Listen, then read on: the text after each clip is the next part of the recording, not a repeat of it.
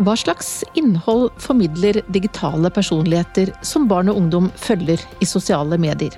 Og hvordan påvirker disse influenserne de unge? Det er tema i dagens utgave av Den norske mediepodden.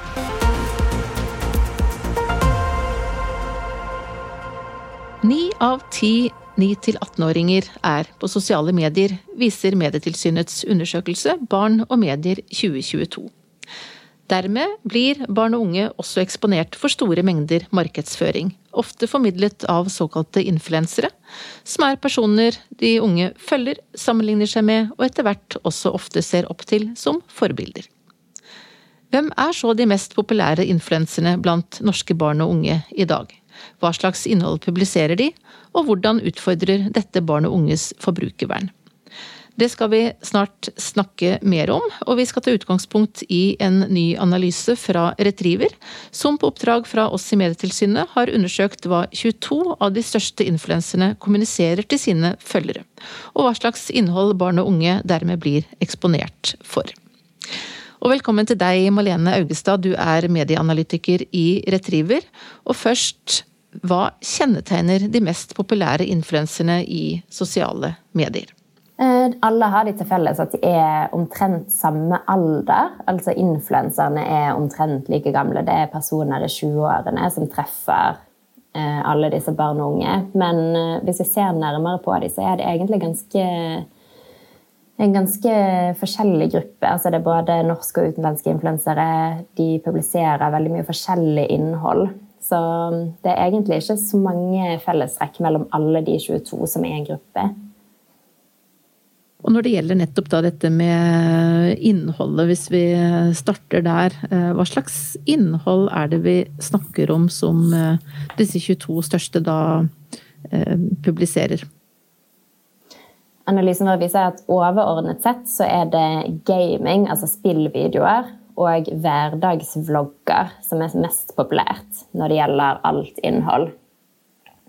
Um, av de 812 postene vi har sett gjennom, så handler 190 om de om gaming og 186 om hverdagsvlogging.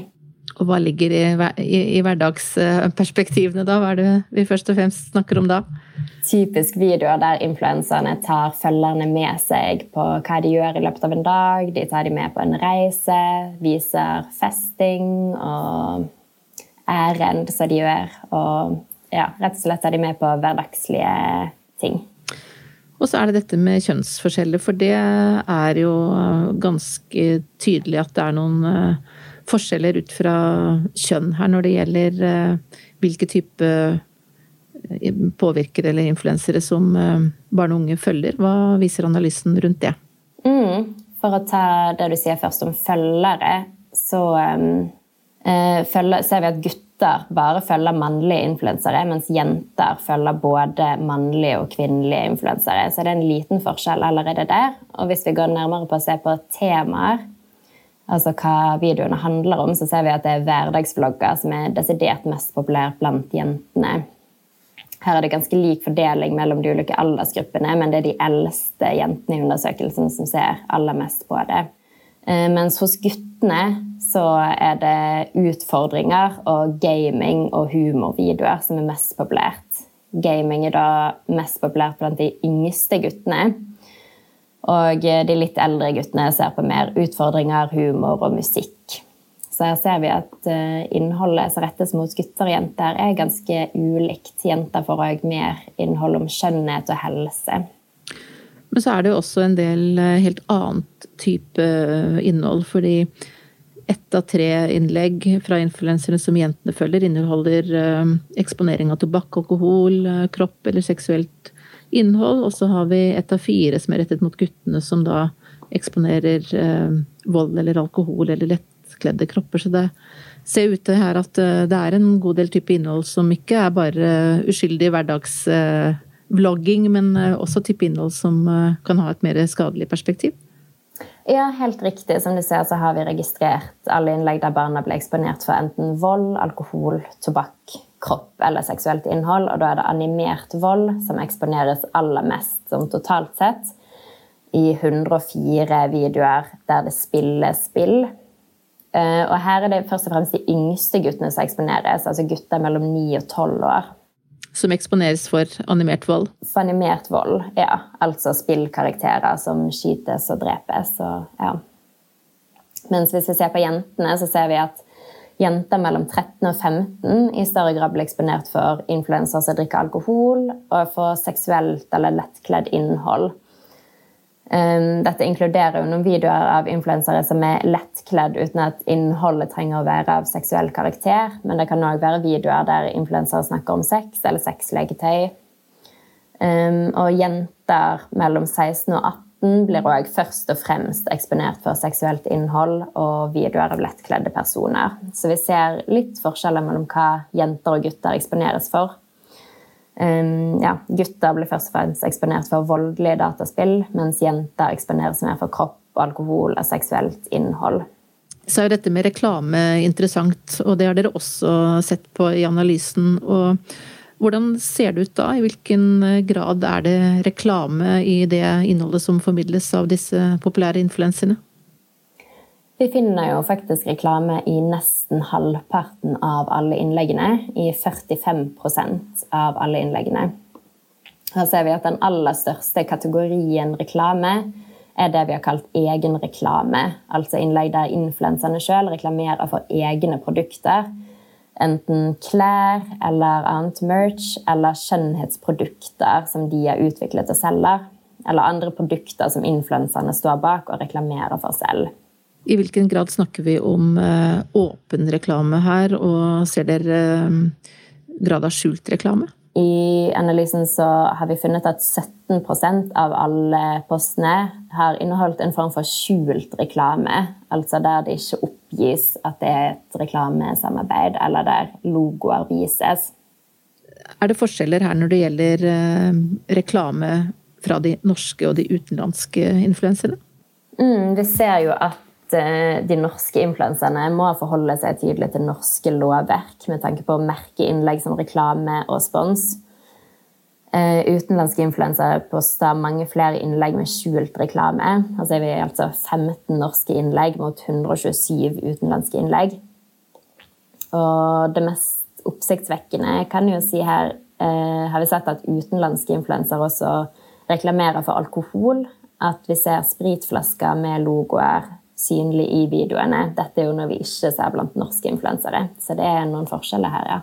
Tusen takk til Malene Augestad i Retriever, som altså har analysert innhold fra 22 influensere i sosiale medier på oppdrag fra oss i Medietilsynet.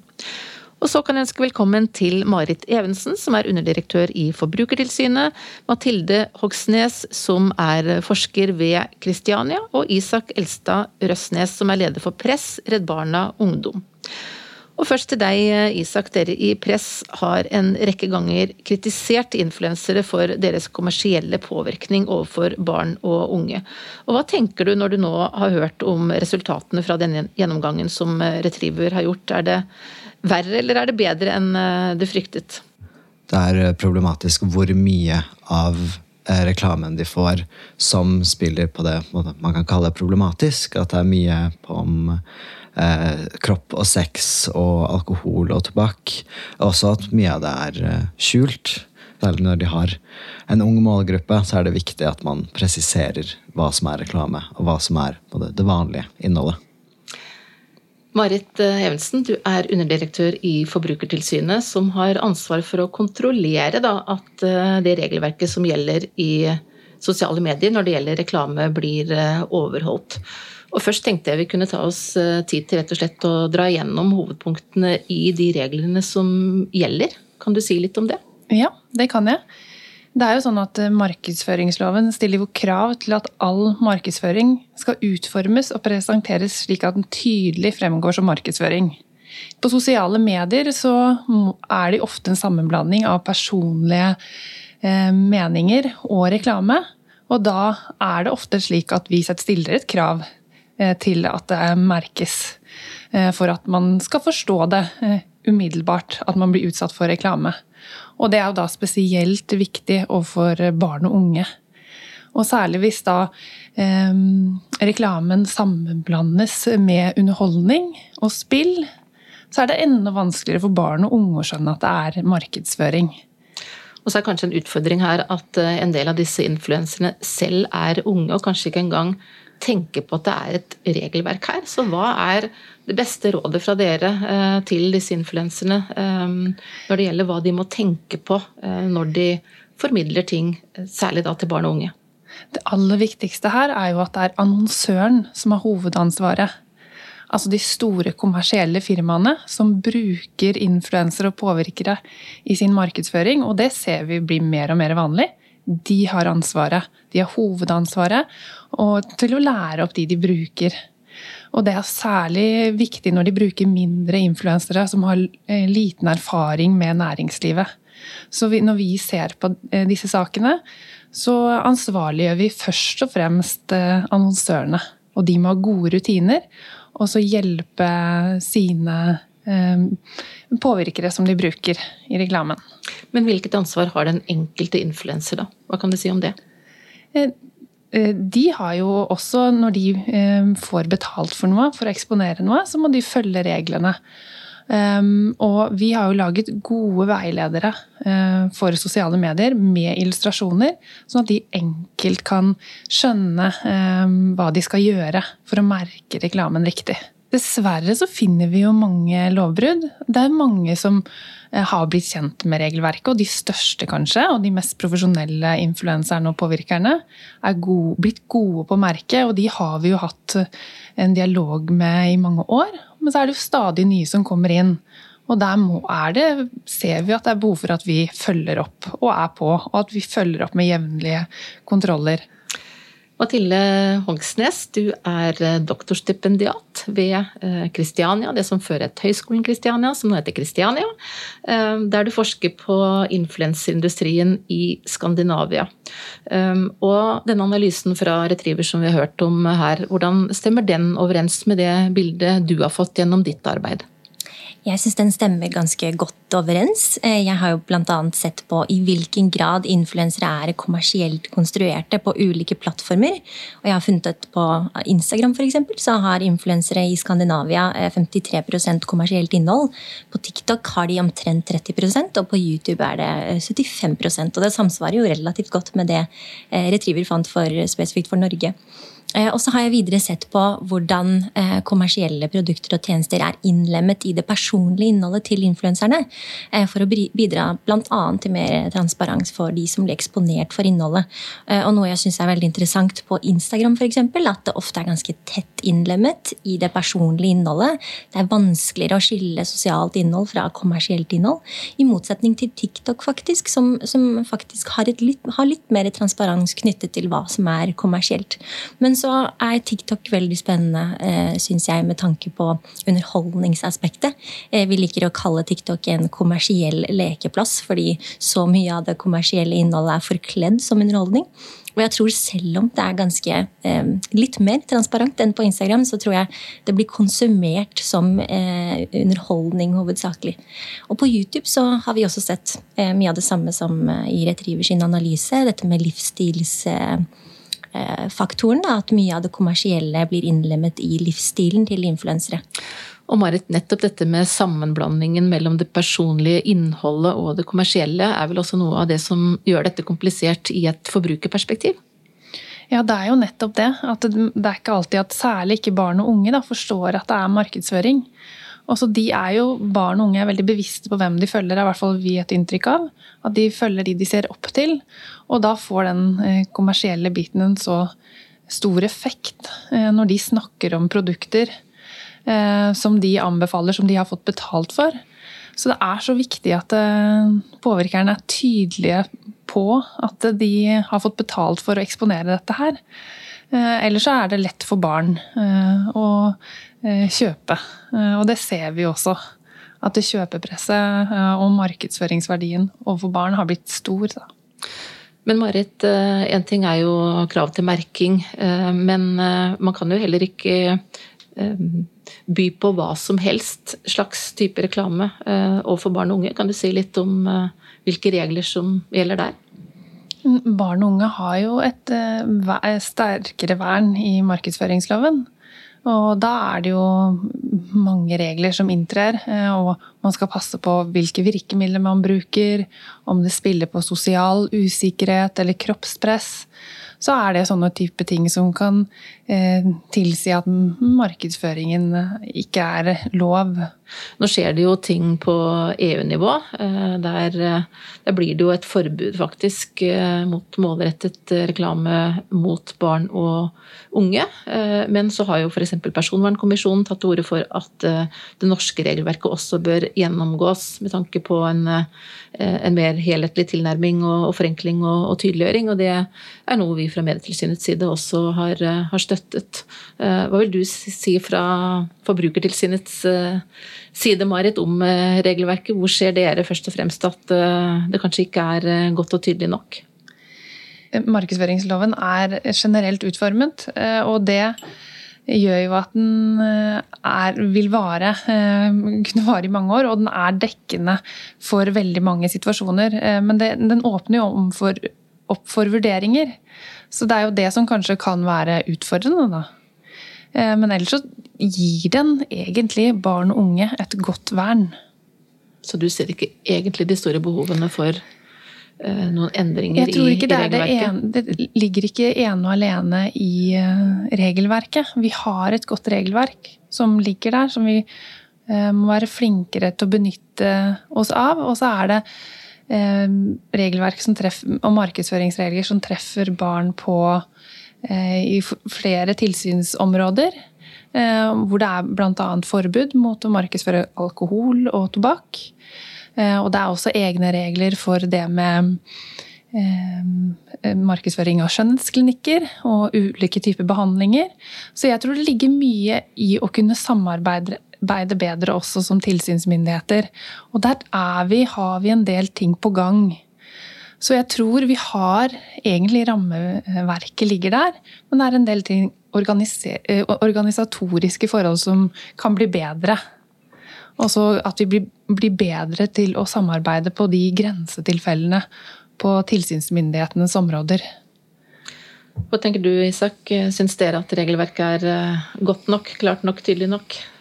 Vi eh, ser vel noen utfordringer ved markedsføringsloven. Ikke nødvendigvis på selve lovverket, men at det er jo fortsatt mye problematisk reklame som etter dagens markedsføringslov egentlig ikke burde nå barn og unge, som fortsatt når barn og unge? Jeg tror det er komplekst. da. Både det at eh, Både regelverket, men også det at disse sosiale plattformene Eh, har jo en aldersgrense, og så kommer du deg får du, får du, lov til å få disse sosiale mediene før du har nådd den alderen, så er, så er jo det en risiko med det. Så der må foreldre også um, ta et større ansvar, og kanskje uh, at det blir strengere uh, før man får lov til å få disse sosiale mediene. Uh, og så tror jeg også at um, vi må ruste barna våre bedre også. De må få bedre kunnskap eh, om reklame. Og der har jo vi begynt, eh, på bestilling av Barne- og familiedepartementet, med å utarbeide noe som heter Reklameskolen. Som er et gratis undervisningsopplegg for nå utviklet for ungdomsskolen, som vi holder på også å utvikle for barneskolen, sånn at barn lærer seg mer om reklame og, hva reklame er. Og så er det selvfølgelig et ansvar for oss som tilsynsmyndigheter å følge opp eh, det som er ulovlig. Og der, eh, dessverre, er det mye for oss å ta tak i. Dette med kunnskap er noe som vi også er veldig opptatt av fra Medietilsynets side. Dette er jo en, en, del av den kritiske medforståelsen egentlig som alle må ha for å kunne navigere både aktivt og trygt i det som jo blir et stadig mer komplekst medielandskap. Men det er jammen ikke enkelt heller for barn og unge i dag som skal forholde seg til Eh, hele denne sfæren. Og, bare det å vite hva er lov, hva er ikke lov. Eh, og som du var inne på, Mathilde, denne sammenblandingen med liksom, de personlige budskapene og det kommersielle. Eh, så hva er de beste rådene, tenker dere, til barn og unge? F.eks. For, for å kunne skille, da. Hva bør de se etter? Vet ikke om Marit eller Mathilde vil kommentere det først? Barn nå i dag, de er heldigitale.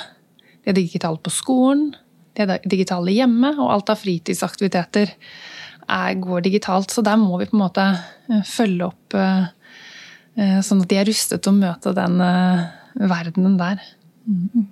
Ja, nei, Jeg er veldig enig. Jeg tenker at Dette med å informere eh, barn og unge hvor reklamen oppstår i sosiale medieplattformer, er superviktig. For der, jeg tror det er veldig vanskelig for dem å klare å skille det. og jeg tenker Spesielt på TikTok, hvor så mye kommersielt innhold eh, også blir trender. Eh, vi ser at mange hudpleieprodukter f.eks. blir eh, skapt i et videoformat hvor de tester eh, ulike produkter, hvilke som er best. Og så blir barn og unge oppfordret til å lage lignende videoer.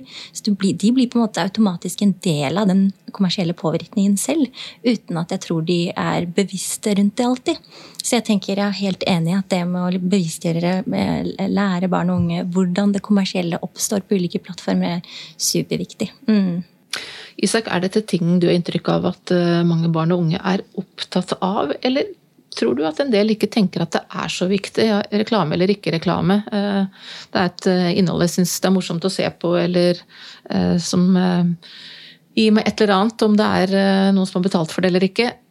Hva betyr det? Eller er det en bevissthet der, tenker du? Jeg tror det er litt Eh, litt forskjellig. At det er noen som er veldig bevisst eh, på hva som er reklame og hva som ikke er reklame, og både stritter litt imot eh, at de skal kjøpe et produkt fordi de har sett det på TikTok. Da blir det kanskje mindre kult enn hvis de bare hadde sett det for seg selv, mens det er eh, andre som er mer opptatt av å gjøre som influenserne, eller gjøre som de har eh, sett på TikTok.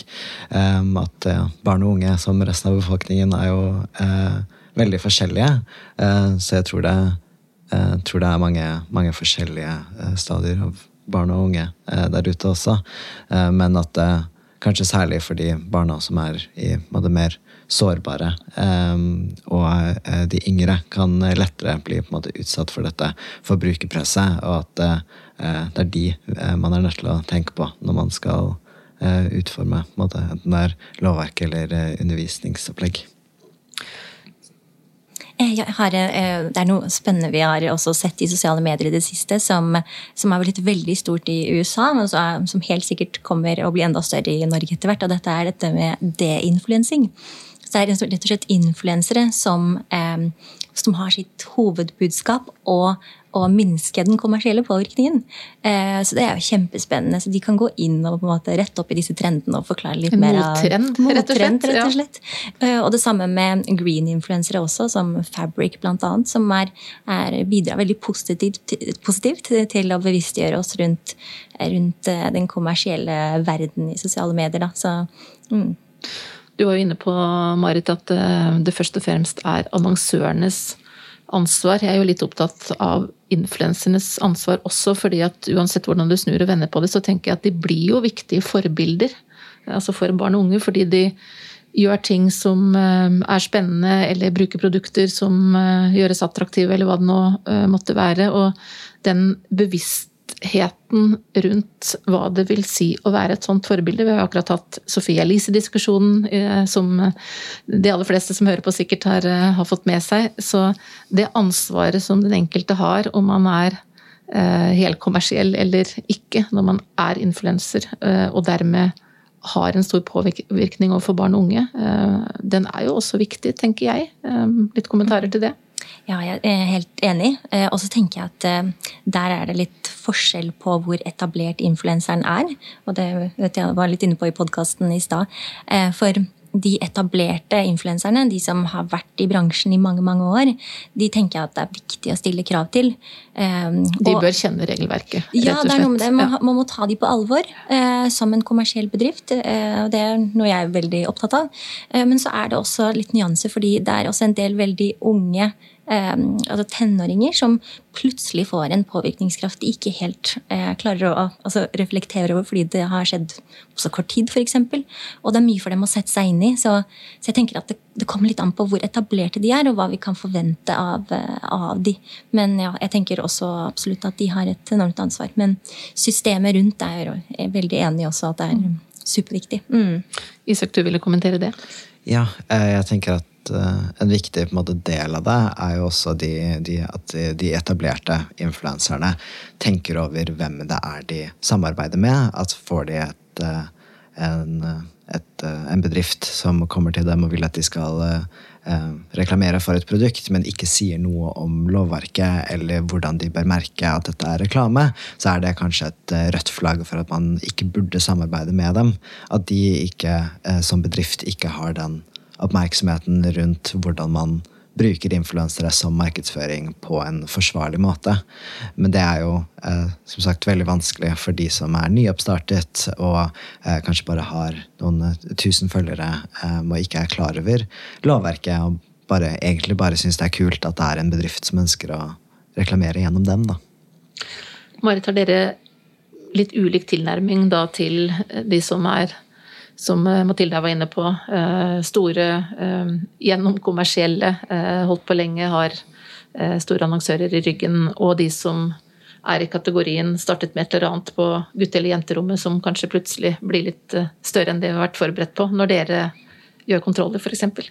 Ja, Vi forventer jo mer av de største aktørene. Og de, mange av de er jo selvstendig næringsdrivende og annonsører i seg selv. For de har jo ofte egne produkter.